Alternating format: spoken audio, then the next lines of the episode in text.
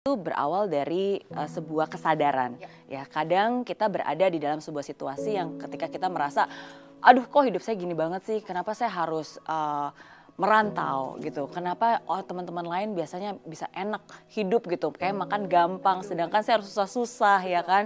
Dan kadang-kadang kita merasa bahwa diri kita tuh korban. Kenapa sih kok kalau banyak orang bilang masa muda adalah masa yang paling bahagia tapi kok yang saya alami sangat berbeda gitu. Jangan kan bahagia, mau hidup biasa-biasa aja kok kayaknya susah banget gitu kan.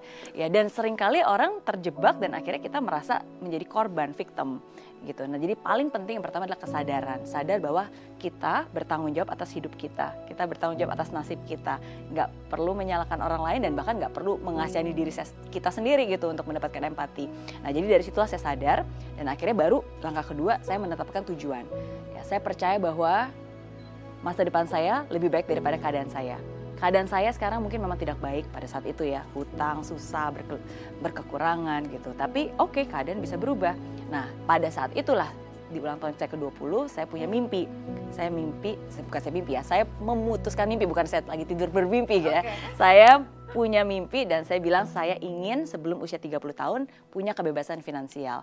Harus bayar hutang, saya nggak mau nyusahin orang tua, saya pengen bisa membahagiakan mereka dan kalaupun suatu saat nanti saya harus kembali ke Indonesia, saya harus kembali ke Indonesia sebagai orang yang sukses. Dan itu mimpi saya.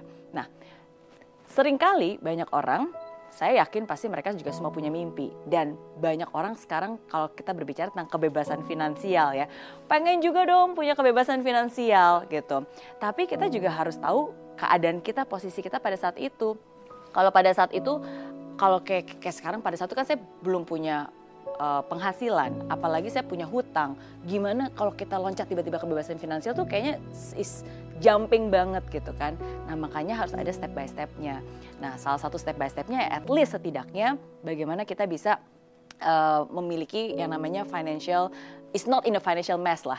Dalam arti kalau financial mess itu kan pengeluaran kita lebih besar daripada pendapatan. Ya, sekarang saya berpikir gimana caranya supaya setidaknya saya bisa menghidupi diri saya sendiri, at least mendapatkan uang gitu kan untuk bisa uh, ya menambah ya at least memperbaiki uh, keadaan saya pada saat itu. Ya udah akhirnya di situ saya mulai ya udah cari kerja. Nggak perlu nunggu sampai saya kelar kuliah baru melakukan sesuatu. Apa pun juga yang saya kerjakan pada saat itu saya kerjakan dengan sungguh-sungguh walaupun harus kerja upah harian ya gitu. Nah jadi ya dari situ uh, bertahap sih. Nanti kalau misalnya ada waktu bisa saya jelaskan step by stepnya sebelum akhirnya salah satunya tentu saja uh, bagaimana kita bisa memaksimalkan bukan hanya kita yang bekerja tapi uang kita juga bekerja Betul. gitu. Tapi ada langkah-langkahnya dan kita nggak bisa terlalu loncat.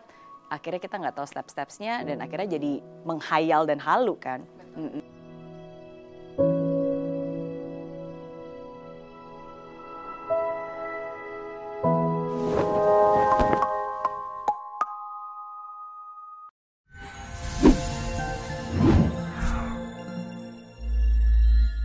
aplikasi Mary Riana tersedia lengkap video-video YouTube terbaru saya, artikel yang up to date, post inspirasi, koleksi merchandise, workshop dan seminar yang bisa kamu dapatkan free dan download sekarang juga gratis.